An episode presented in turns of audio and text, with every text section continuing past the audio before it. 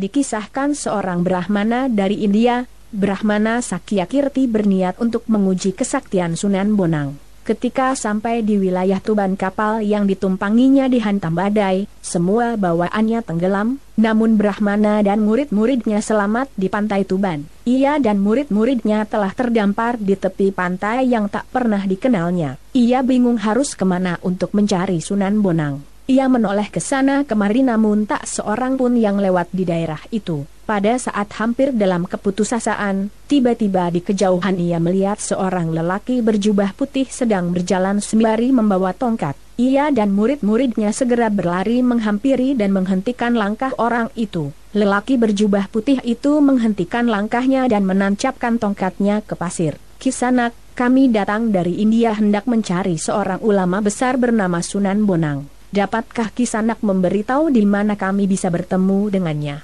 Tanya sang Brahmana, untuk apa Tuan mencari Sunan Bonang? Tanya lelaki itu. Akan saya ajak berdebat tentang masalah keagamaan, jawab sang Brahmana. Tapi sayang, kitab-kitab yang saya bawa telah tenggelam ke dasar laut. Meski demikian niat saya tak pernah padam. Masih ada beberapa hal yang dapat saya ingat sebagai bahan perdebatan, imbuh sang Brahmana. Tanpa banyak bicara, lelaki berjubah putih itu mencabut tongkatnya. Mendadak saja tersembur air dari bekas tongkat tersebut dan air itu membawa keluar semua kitab-kitab yang dibawa sang Brahmana. Itukah kitab-kitab tuan yang tenggelam ke dasar laut? Tanya lelaki berjubah itu. Sang Brahmana dan pengikutnya kemudian memeriksa kitab-kitab itu, dan ternyata benar milik sang Brahmana. Berdebarlah hati sang Brahmana sembari menduga-duga siapakah sebenarnya lelaki berjubah putih itu. Murid-murid sang Brahmana yang kehasan sejak tadi segera saja menyerobot air jernih yang memancar itu. Brahmana Sakyakirti memandangnya dengan rasa khawatir, jangan-jangan murid-muridnya itu akan segera mabuk karena meminum air di tepi laut yang pastilah banyak mengandung garam.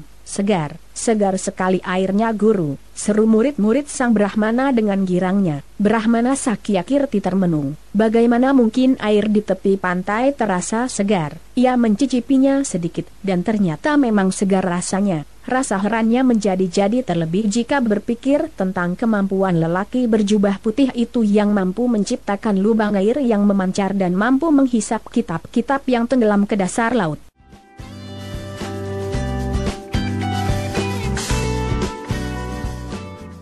Sang Brahmana berpikir bahwa lelaki berjubah putih itu bukanlah lelaki sembarangan. Dia mengira bahwa lelaki itu telah mengeluarkan ilmu sihir. Akhirnya dia mengerahkan ilmunya untuk mendeteksi apakah semua itu benar hanya sihir. Namun setelah dikerahkan segala kemampuannya, ternyata bukan, bukan ilmu sihir tapi kenyataan. Seribu Brahmana yang ada di India pun tak akan mampu melakukan hal itu, pikir Brahmana dalam hati. Dengan perasaan takut dan was-was, ia menatap wajah lelaki berjubah itu. Mungkinkah lelaki ini adalah Sunan Bonang yang termasyhur itu? Gumamnya dalam hati. Akhirnya sang Brahmana memberanikan diri untuk bertanya kepada lelaki itu. Apakah nama daerah tempat saya terdampar ini? Tanya Brahmana. Tuan berada di pantai Tuban, jawab lelaki berjubah putih itu. Begitu mendengar jawaban lelaki itu, Brahmana dan murid-muridnya berlutut dan pasrah di hadapan Sunan Bonang.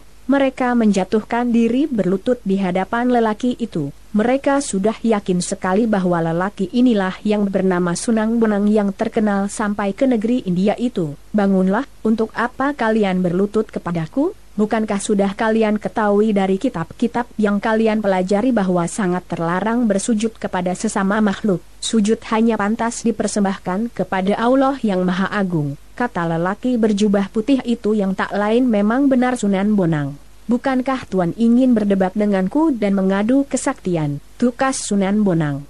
Mana saya berani melawan Paduka, tentulah ombak dan badai yang menyerang kapal kami juga ciptaan Paduka. Kesaktian Paduka tak terukur tingginya, ilmu Paduka tak terukur dalamnya, kata Brahmana Sakyakirti. Kamu salah, aku tidak mampu menciptakan ombak dan badai, hanya Allah subhanahu wa ta'ala saja yang mampu menciptakan dan menggerakkan seluruh makhluk. Allah melindungi orang yang percaya dan mendekat kepadanya dari segala macam bahaya dan niat jahat seseorang, ujar Sunan Bonang. Memang kedatangannya bermaksud jahat ingin berdebat dengan Sunan Bonang melalui adu kepandaian dan kesaktian. Ternyata niatnya tak kesampaian. Apa yang telah dibacanya dalam kitab-kitab yang telah dipelajari telah terbukti bahwa barang siapa yang memusuhi para kekasih Allah, maka Allah akan mengumumkan perang kepadanya. Menantang Sunan Bonang sama saja dengan menantang Allah Subhanahu wa Ta'ala yang mengasihi Sunan Bonang sendiri.